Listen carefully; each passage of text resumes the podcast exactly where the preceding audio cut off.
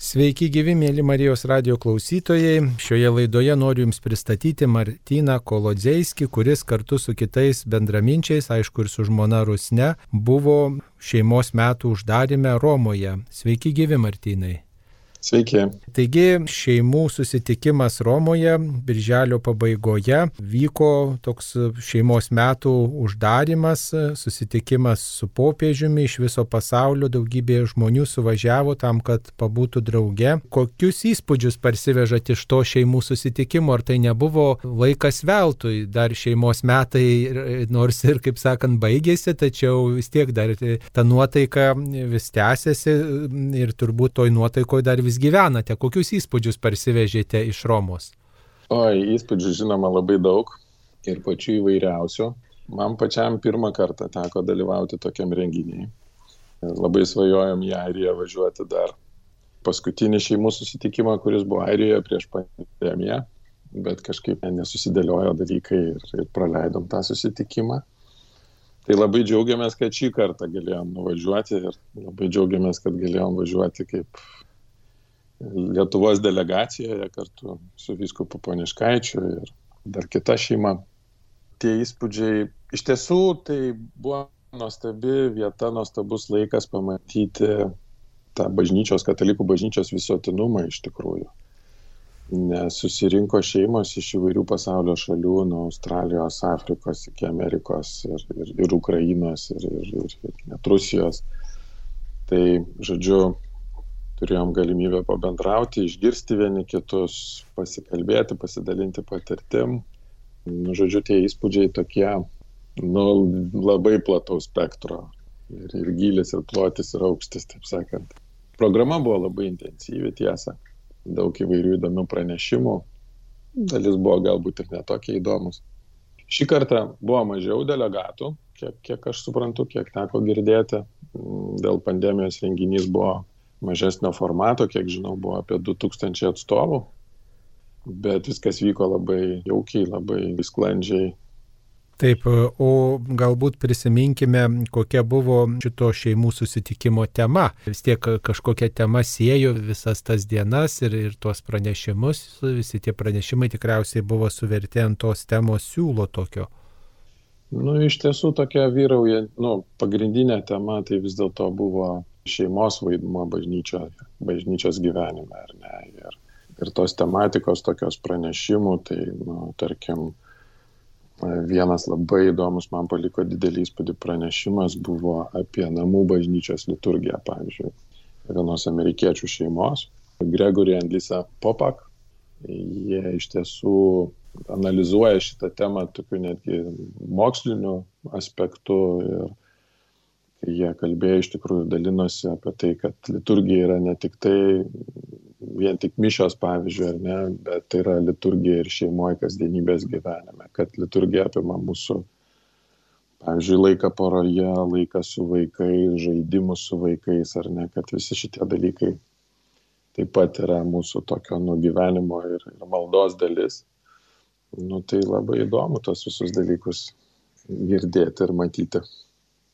Na, o kokią temą galbūt jūs e, išgirdęs ar kažkokį pristatymą išgirdęs e, planuojat e, pritaikyti savo šeimoje galbūt ar draugams papasakot apie tai, galbūt kažkokią tokią idėją tikrai galima pasigauti iš to susitikimo ir, ir tiesiog įdėkti mūsų tėvynėje, kad šeimos būtų stipresnis, kad tas ryšys tarp šeimos narių būtų daug glaudesnis. Nu, iš tiesų, tai daug tokių visokių idėjų ir pasidalinimų matėm Aš tiesiog gal keletą paminėsiu, kurie va dabar man ateina ir, ir, ir į galvą, tarkim, šito pokalbio metu, ar ne, pavyzdžiui, buvo įdomių pranešimų apie šeimų rengimą santokai, ar ne, ir porų rengimą santokai, ar ne, ir pavyzdžiui, apie poreikį tolimesniam palidėjimui porų, ar ne, tai vėlgi tiek tų pranešimų ir iš tų pranešėjų yra, yra vėlgi kontaktai, yra galimybė gauti medžiagą, organizuoti kažkokius dalykus. Ir akivaizdu, kad tas poreikis yra labai stiprus. Buvo tokių labai įdomių iškeltų dalykų iš tikrųjų. Vienas toks, tarkim, ne tik mane, galbūt ir, ir, ir mūsų visą delegaciją palėtęs pranešimas buvo apie tai, kad, tarkim, apie 30 procentų moterų patiria smurtą pasaulyje ar ne šeimos porose. ir apie tai, kad yra didžiulis poreikis kurti visokias nu, pagalbos sistemas ar ne.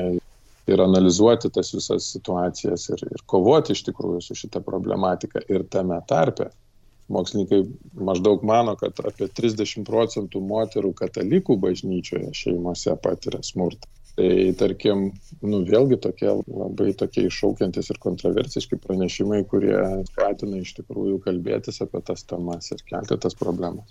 Turėjom, pavyzdžiui, tokį irgi džiaugsmą klausyti vienos australų šeimos pasidalinimą apie jų skausmą, apie jų praradimą, apie jų tokį šeimos tragediją iš tikrųjų. Šeima Daniel ir Leila dalinosi išgyvenimų, kai girtas vairuotojas suvažinėjo tris iš septynių jų vaikų, jie žuvo. Ir kaip ta šeima iš tikrųjų išgyveno visą šitą dramą ir kaip jie mokėsi patys atleisti.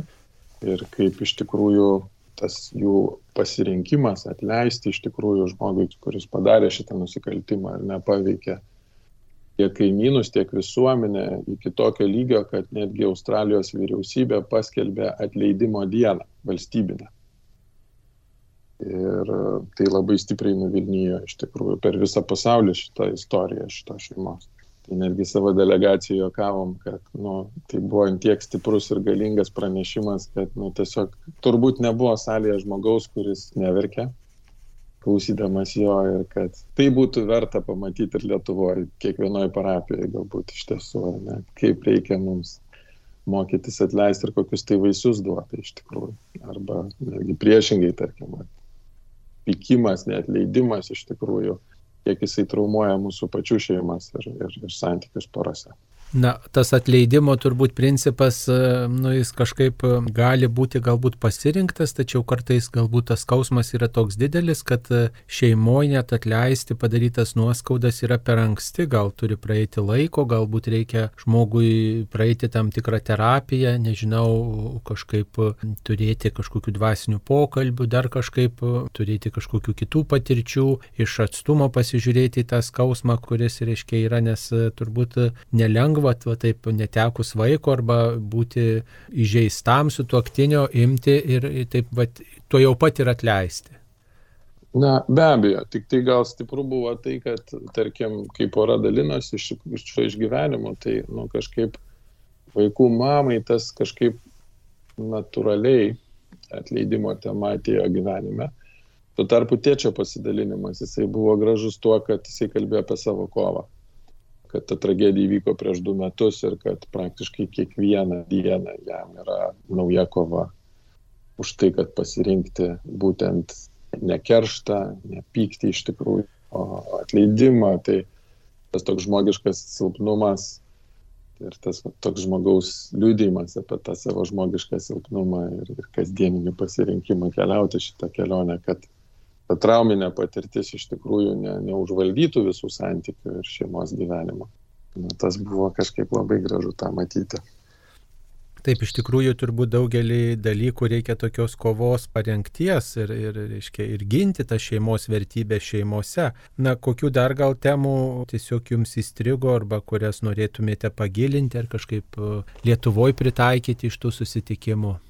Na, dar kas ateina į galvą, pavyzdžiui, Irgi tokių buvo pranešimų, iš tikrųjų, pavyzdžiui, per pandemiją šaminio bendruomenės, kanos misijos viena šeima dalinosi, tarkim, ir netgi rodė savo, savo visas internetinės priemonės, kaip jie kūrė iš tiesų tokias virtualias pasidalinimo grupelės. Ir kaip žmonės iš tikrųjų vat, dėka tų virtualių grupių gali dalyvauti, susijungti, irgi dalintis ir nu, gražu va, tas matyti, kad ir tas technologinės visos priemonės jos suartina žmonės, nenutolina. Nors iš vienos pusės jų tarsi principas yra tas, kad žmonės jas išjungtų ir pradėtų bendrauti vieni su kitais poros ir šeimose, ar ne? Bet vėlgi tiek esam pripratę prie tų technologijų ir tiek į jas jau įsikinkę, kad nu, vat, reikalingos ir tos priemonės, kurios veda mus ar ne, gražina į tą pirminį santykį vėlgi bendravimą. Ar buvo daugiau tuose temose bendravimo ir bendrai tokių svarstymų, kaip pagerinti santykius poroje, ar taip pat, pavyzdžiui, buvo kaip su paaugliais susikalbėti, kurie ypatingai įnikę į tas skaitmeninės technologijas, į kompiuterius, į mobiliuosius telefonus ir tarsi tolsta nuo šeimų ir tėvams vis sunkiau susikalbėti su vaikais ir ugdytojams su tais vaikais, ar šitos temos bendravimas su paaugliais buvo kas nors svarstoma? Taip labai specifiškai apie paauglius nebuvo svarstoma, bet iš kitos pusės vėlgi buvo daug kalbama apie tai, kad gal aš taip galėčiau suformuluoti iš tikrųjų tas, apie tą svarbą bendravimo šeimoje ir turėjimą laiko vieni kitiems, tiek su tuoktiniui, tiek vaikams. Ir kad nu, labai vis dėlto daug iššūkių, aišku, šiandieną yra nuo to pabėgti ar tam neturėti laiko, bet iš tiesų tai yra pamatas, tai yra pagrindas.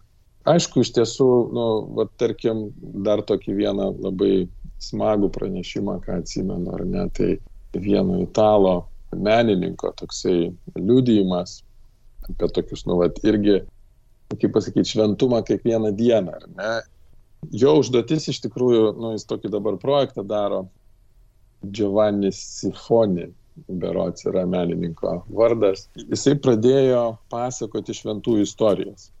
Ir, va, tarkim, paima tokias, va, tarsi dienos šventojo istoriją, ar ne, ir pamėgina tą istoriją transformuoti į tokią, nu, va, šiuolaikiniam žmogui suprantamą kalbą.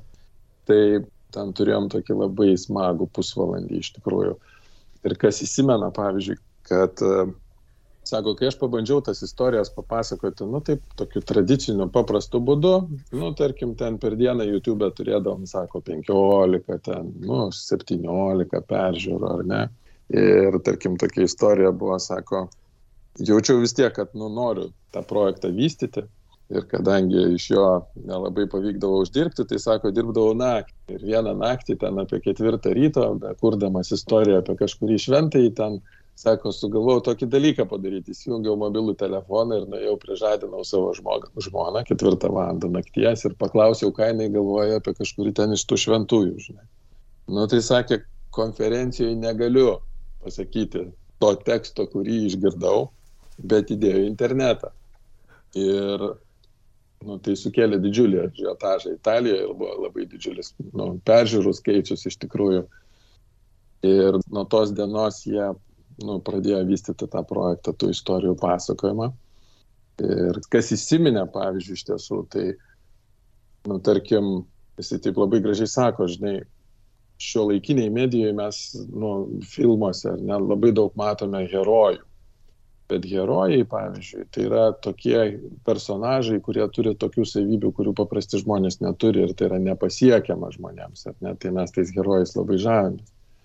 Bet šventieji tai vis dėlto sako, yra nu, tokie žmonės, paprasti žmonės, tokie kaip mes.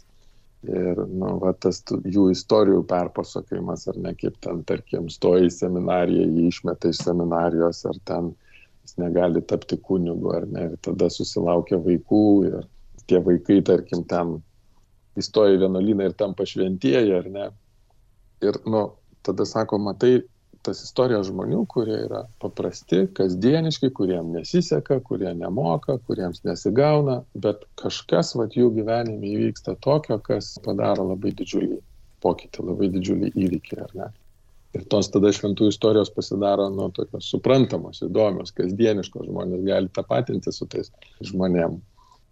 Ir tuo pačiu tai padeda kažkaip įprasminti nu, tikėjimo dalykus savo gyvenime žymiai paprasčiau tokios irgi istorijos, idėjos, kurias galima pritaikyti iš tikrųjų ir kalbėti ir apie šeimų šventumą, apie tai, kad ir tėvai pašaukti šventumą, ir vaikai pašaukti šventumą, ir tas šventumas yra arteis, yra pasiekiamas, pavyzdžiui.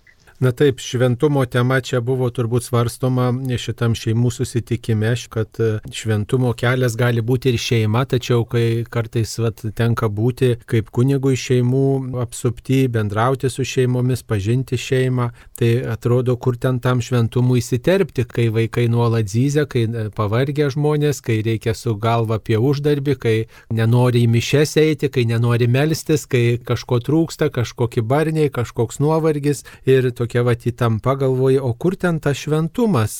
Tai galbūt ir čia kažkokių idėjų parsivežate iš tų susitikimų, kai va su kitom šeimom susitikote, bendravote, kad nu, tą tikėjimą kaip nepamesti tokioje kasdienybėje ir visokiose problemuose ir iššūkiuose ir kaip va, siekti to panašumo į Kristų. Aš gal tokį galėčiau pasakyti savo įspūdį iš tikrųjų, kad iš vienos pusės tai aš parsivežu tokį, nu, gal džiaugsmą ir asmeniškai, kad, kad tas šventumas nėra kažkoks gyvenimas Marse, bet kad tai yra iš tikrųjų pasiekiama, paprasta ir kasdieniška.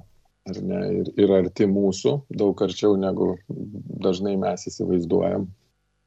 Kitas dalykas, tas šventumas, jisai iš principo, Teresėlė gražiai yra pasakiusi, ne, kad Jėzus vaikšto tarp puodų, tai mums tiesiog ir norisi, ir reikia būti kartu. Būti kartu ir dalintis ir patarnauti vieni kitiems. Mums reikia, pasauliečiams reikia kunigų, kunigams reikia pasauliečių, ar ne? Ir kai mes išgyvename tą bendruomeniškumą, ar ne, kai mes galime dalintis savo patirtimis, tai tas šventumas jisai ir įsikūnė va tokiu paprastu kasdienišku būdu mūsų gyvenime kad tai nėra rezervuota kažkokiem, nu, nežinau, nerealiem žmonėm kažkur ten, kažkokiam nerealiam užsienį. Visą tai vyksta mūsų gyvenime.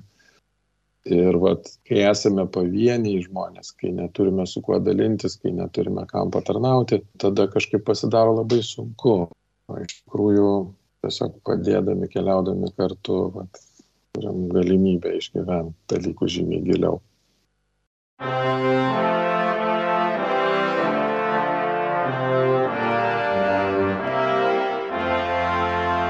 Čia Marijos radijas.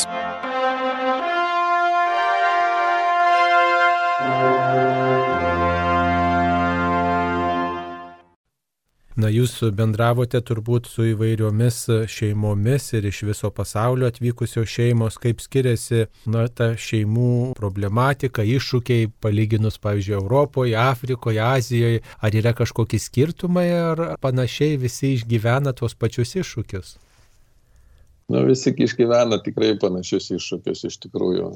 Ta problematika jinai neturi savo sienų, savo tautybės ar rasės, ar ne. Ir, tarkim, vėlgi, tas buvo gražu, tarkim, matyti vieną tokį, va, vienos šeimos liūdėjimą iš Afrikos, berots iš Kongo buvo, kur, nu, tarkim, parlamento narys išlipo ant scenos ir pasipasakojo savo istoriją, kaip buvo neištikimas savo žmonai ir kaip žmona jo visas neištikimybės paviešino internete ir kaip jie susipyko ir kaip jį išvarė iš namų ir kaip jis ieškojo po to vėlgi galimybės susitaikyti, atsiprašyti, pasikeisti ne, ir kaip jie keliauja dabar.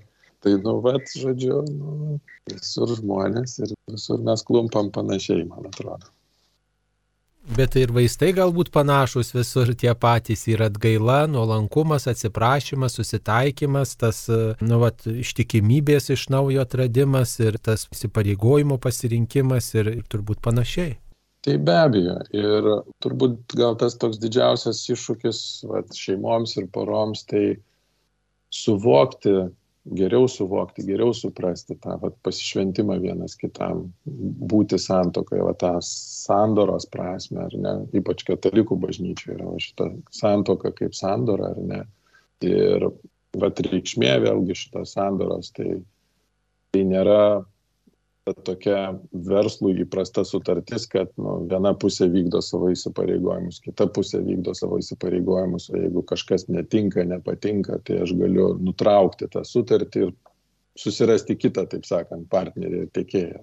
Tai vad, katalikų bažnyčioje iš tikrųjų tas sandoros principas yra tas, kad aš įsipareigoju, aš pasižadu ir nežiūrint to, kad netgi kita pusė galbūt susirgs, praras savo grožį, neteks savo žavesio ar dar kažko, bet aš įsipareigoju mylėti.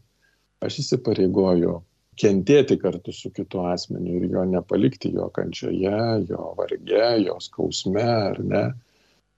Tais momentais, kai kažkas nesigaus, kažkokios žaizdos išlys praeities ar ne. Įsigilinti į tai iš tikrųjų, suprasti tai sąmoningai, daryti šitą pasirinkimą būti santokoje ir kai susidurėm su šitais sunkumais, iš tikrųjų turėti kitas šeimas, kitas poras ar, ar kažkokią tai vėlgi nu, pagalbą bažnyčioje, kur galima keliauti, įveikti tos sunkumus. Tai vad tiesiog tuos dalykus ugdyti, auginti, rasti būdus, dalinantis bendrom patirtim. Tai tas ir stiprina ir augina šeimas. Ir jų ryšį, ir jų stiprumą tarkim, va irgi, nu, kas darosi aišku iš statistikos ar ne, kad netgi labai tokiuose, nu, katalikiškose šalyse, ar ne, kad skirybų skaičiai auga ir, nu, poreikis yra tai santykio kokybė iš tikrųjų. Ir ten, kur pavyksta iš tikrųjų tą santykio tarp žmonių kokybę auginti, ar ne, tai tos poros žymiai stabilesnės yra.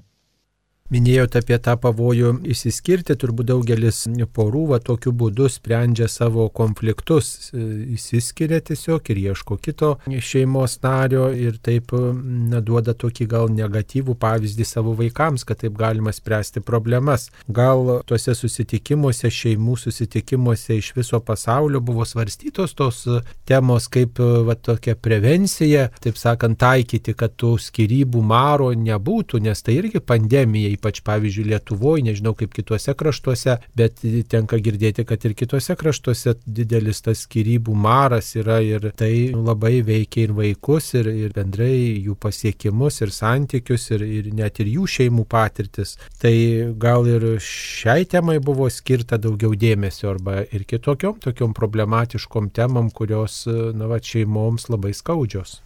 Turėjom vieną pranešimą iš, iš brolių Latvijų su jų patirtim, e, ypač porų skirybos tema. E, Daina ir Ultis Zurilo ir Juris Jelinskis dalinosi labai gražiai iš tikrųjų, kaip būtent Latvijos bažnyčioje jie sprendžia visus šitus porų išskirimo tribunolo klausimus, ar ne. Ir, ir iš tiesų, kaip ir vėlgi yra poreikis bendradarbiauti ir tribunolui, ir psichologams, ir konsultantams, ir ir tiems specialistams, kurie ruošia iš tiesų porą santokai ar ne. Ir kad nu, didelė vis dėlto dalis problemų, pavyzdžiui, su santoka mes atsinešam iš savo vaikystės, iš savo šeimų modelių, ar ne, ir tos trauminės patirtis, su kurios ateinam, jos, nu, vėliau išriškėja santokoje, ar ne. Ir jeigu nerandam būdų, kaip tuos dalykus spręsti, tai žmonės, nu, pasirenka tokį dažnai greitą receptą, nu, skirybos, ar ne, bet dėja tai nėra tas tikrasis, autentiškas ir, ir giluminis sprendimas, nes tada būna antros, trečios, ketvirtos skirybos, ar ne. Ir vėlgi, kaip yra akivaizdu, kad kai jau yra santokoje vaikai, tai tų skirybų nu, vis tiek tokių realių jos neįvyksta, vis tiek tu turi tą santykį, turi rūpintis vaikais ar ne, ir, ir jie irgi kenčia. Tai iš vienos pusės taip nagrinėja bažnyčia iš tikrųjų tą problematiką, kad suteikti galimybę žmonėms išsiskirti, turėti pastoraciją vėlgi išsiskyrusių žmonių ir joms taip pat padėti ieškoti išeičių ir, ir, ir padėti aukti, padėti išgyventi bendruomeniškumą. Bet aišku, vėlgi nemažiau aktualu yra ir ta prevencija iš tikrųjų. Prevencija, kad nu, padėti žmonėms patirti vidinį išgydymą, iš tikrųjų gerai pasiruošti santokai, kad vėliau nereikėtų iš tiesų tų tokių vat, pusmingų patirčių išgyventi. Aišku, labai aktuali ir įsiskyrusių žmonių salovada bažnyčia. Apie tai irgi buvo nemažai kalbėta. Na, tuose susitikimuose, pasauliniuose susitikimuose Romoje turbūt visada dalyvauja popiežius arba jo atstovai, kokie įspūdžiai iš susitikimų su tais bažnyčios vadovais, gal įsiminė kokia mintis ar paskatinimas, padrasinimas, į ką atkreipia dėmesį popiežius ir jo atstovai. Labai įsiminė iš tikrųjų popiežiaus šiltumas ir tėviškumas iš tikrųjų. Ir aš gal tokį ne visada turėdavau galimybę klausyti su vertimu, o italų kalbos nesuprantu, tai tarkim, kelis kartus, kai popiežius kalbėjo, neturėjau galimybės e, turėti vertimo. Bet, tarkim, kas man iš tiesų paliko didelį įspūdį. Tarkim, vieną vakarą, kada popiežius buvo atėjęs susitikti ir kalbėti su šeimom, ar ne, ant scenos, pavyzdžiui, buvo šeimos su mažais vaikais. Ir tie vaikai bėgiojo, iš tikrųjų, bėgiojo, lakstė, kėlė triukšmą, iš tikrųjų, jis pribėgdavo prie popiežiaus, iš tiesų ten kažką tai pasakydavo, iš juos palaimindavo ir vėl, ar ne. Vėliau, tarkim, kai jau buvo mišos, jisai važiavo su automobiliu, tai apart to, kad laimino vaikus dar ir į savo tą papamobilį prisisodino iš tikrųjų mažų vaikų, kuriuos pavežiojo su ta mašina. Tai vad, mano įspūdis iš tikrųjų toksai buvo nu, jo, jo tokio atidumo žmogui ir dėmesingumo ir kažkokio tokio, nu, nu, laisvumo iš tikrųjų, leidimo iš tiesų, nu, va, šeimoms natūraliai, kažkaip vaikams natūraliai būti, aktyviems vaikams bėgioti. Ir mes netgi taip juokavom, aš klausiau savo žmonos, sakau, kaip tu jaustumės, jeigu dabar tu būtum ant scenos, o mūsų sunus aštuonmetis dabar krėstų panašius plokštus kaip ten tie italų vaikai. Tai žmona nusijokė, sako, na, aš turbūt numirčiau iš gėdos, ar ne, nu, man labai sunku būtų tai pakelti. Tai tiesiog, va, matydami tą pavyzdį, nu, kažkokį tokį padrasinimą turėjom, kad, uh, kaip pasakyti, aukščiausias bažnyčios hierarkas džiaugiasi vaikais darančiais nu, netvarką, jeigu taip galima, ar triukšmaujančiais, ar ne, ar bėgiojančiais. Bet tai tuo pačiu ir buvo toks vaizdas kad jisai yra atviras tai gyvybė iš tikrųjų, kurie ateina su šeimom. Kad netiek yra svarbu kažkoks ten labai protokolas, labai gražus vaizdas ar ne, ar ten kažkaip, nu, kad čia viskas vyktų labai tvarkingai ar ne, bet, bet kad tie mažutėliai yra priimami su jų visom galimybėm ir su jų visų supratimu, ar ne, ir kad nu, nereikia ten nei kažkokio didelio muštro, nei kažkokios ten super drausmės, ar ne. Ir tai yra toks paskatinimas iš tiesų šeimoms jaustis priimtomis ir priimamos manis popiežiaus paties, ar ne. Ir vėlgi aš to visų dalinuosi, galbūt su, su tą mintim, kad irgi kartais vat, nu, tenka girdėti Lietuvoje, ar ne, kad ateina šeima į kažkokią bažnytėlę ar ne su mažais vaikais ir, ir, ir visi tokiais kleivai žingsniai žiūri ir tada tos šeimos jaučiasi, kad tai yra ne ta vieta, kad jos nėra tenais laukiamos, kad tai nėra tenais pageidaujamos ar ne. Tai žodžiu, va, tas toks labai atvira širdis ir atviros rankos iš tikrųjų visus priimti ir apsikabinti. Tai mano toks nu, didžiausias įspūdis iš tikrųjų iš susitikimo su popiežiumi. Taip susitikot su popiežium, tiesiog visuotinės bažnyčios ganytojas tokiu būdu ir sustiprino ir tokio tėviškumo parodė. O kaip e, dabar parsivežus visus tos įspūdžius, tas nuotaikas į Lietuvą, gal labiau įsipareigosit kokiai šeimų bendruomeniai, grupeliai, ar lydėsit kokias šeimas, ar nekyla toks noras kažko imtis, telkti, nu, arba sustiprinti maldos grupelę, kuriai gal priklausote. Na, kokie tie vaisiai po tų šeimų susitikimo? Nu, vienai par kitaip esame įsitraukę į Kanos šeimų bendruomenės veiklą. Tai dalyvaujame Kanos šeimų stovyklose vasarą ir, ir visus šitą progą pasinaudodamas poras norėčiau pakviesti atvažiuoti ir išmėginti šitą patirtį unikalią Lietuvoje. Tai priminkit, gal šį... atsimenat, kurią dieną vyks, turbūt rūpiučio mėnesį, kiek atsimenu. Jo, rūpiučio mėnesį. KNLT, man atrodo, yra kana.lt galima susirasti interneto svetainėje daugiau informacijos ir tikrai įsijungti į tą šeimų stovyklos judėjimą.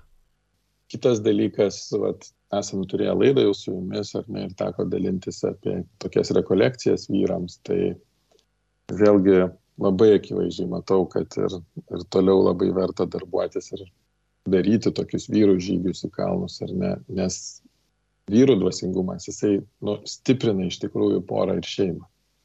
Ir e, šitoje vietoje matau daug prasmės iš tikrųjų toliau darbuotis. O taip pat iš savo pusės, nu, šiuo metu esame Šemenov community, e, Šemenov bendruomenės e, novicijate ir planuojame rudenį pasišvesti šioje bendruomenėje. Kol kas bendruomenės dar nėra Lietuvoje, bet nu, labai tikimės, kad artimiausioje ateityje kažkoks tai įvyks bendruomenės pradžia Lietuvoje. Ir tai yra vėlgi bendruomenė išskirtinė galbūt tuo, kad e, tiek kunigai, tiek seserys, tiek broliai, tiek šeimos dalyvauja kartu, kartu meldžiasi, kartu gyvena, kartu patarnauja bažnyčioje.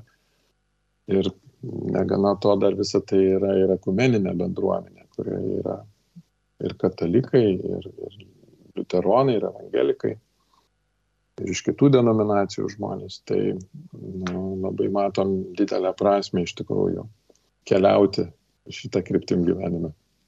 Na tai labai svarbu turbūt priklausyti kažkokiai grupeliai, tokiu būdu yra būdas kitiem liūdėjimą duoti ir taip pat priimti kitų žmonių liūdėjimą, kuris stiprina sunkumuose ir turbūt daugelis porų išyra arba iššūkius tokius nenugalimus patiria, kai lieka vieni, kai nenori bendradarbiauti su kitom porom arba kai bendradarbiauja nelabai sažiningai, kai, sakykime, galbūt prisima tam tikrą kaukę, kad mūsų šeimoje viskas gerai, viskas čia tvarkingai, mes mokymo laikomės, o iš tiesų yra iššūkių tam tikrų ir tų iššūkių nesprendžia. Tai tuomet tas konflikto paštrėjimas ir, ir tos šeimos griūtis tikrai labai tokia yra galima. Tai tikrai turbūt paskatintume visas šeimas priklausyti kažkokiai grupeliai, bendruomeniai, labiau, kad tas spektras įvairiausių bendruomenių yra Lietuvoje gana didelis, ar ne taip?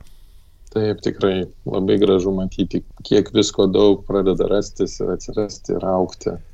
Tai iš tiesų, kuo toliau, tuo daugiau yra galimybių kažkur tai sudalyvauti ir prisijungti. Taigi nors šeimų metai baigėsi, tačiau tas dėmesys šeimai ir šeimų pastoracija, jinai tiesiog toliau plėtojasi, ar ne? Taip galima pasakyti. Ir su tokia nuotaika turbūt ir iš Romos išvykote, kad nors šeimų Taip. metai uždaromi, bet va, ta šeimos tikrovė jinai yra svarbi ir ją reikia ginti. Tikrai taip. Mėly Marijos radio klausytojai, šioje laidoje kalbėjome su Martinu Kolodzeiskiu, kuris su žmona Rusne ir taip pat su kitais bendraminčiais vyko į šeimų susitikimą Romoje birželio pabaigoje ir ten keletą dienų susitiko su šeimomis, susitiko su popiežiumi ir kalbėjosi apie šeimos patirtis ir klausė įvairiausių pranešimų ir tokiu būdu dalyvavo šeimos metų užbaigime ir sėmėsi idėjų, kaip toliau šeimos silovadą stiprinti ir mūsų mūsų tėviniai Lietuvoje. Martina Kolozeiskį kalbino aš kunigas Saulis Bužauskas. Linkiu, kad visi mes brangintume šeimą ir bendradarbiautume ir melstumėmės už šeimas ir prašytume, kad viešpats saugotų šitą patirtį, kuri tokia prigimtinė jinai yra ir reikalinga tam, kad žmogus būtų brandus ir taip pat galėtų tinkamai pasirinkti ir savo kelią. Tai visiems linkim išlaikyti tvirtus šeimos ryšius ir palaikyti šeimas. Ačiū sudie.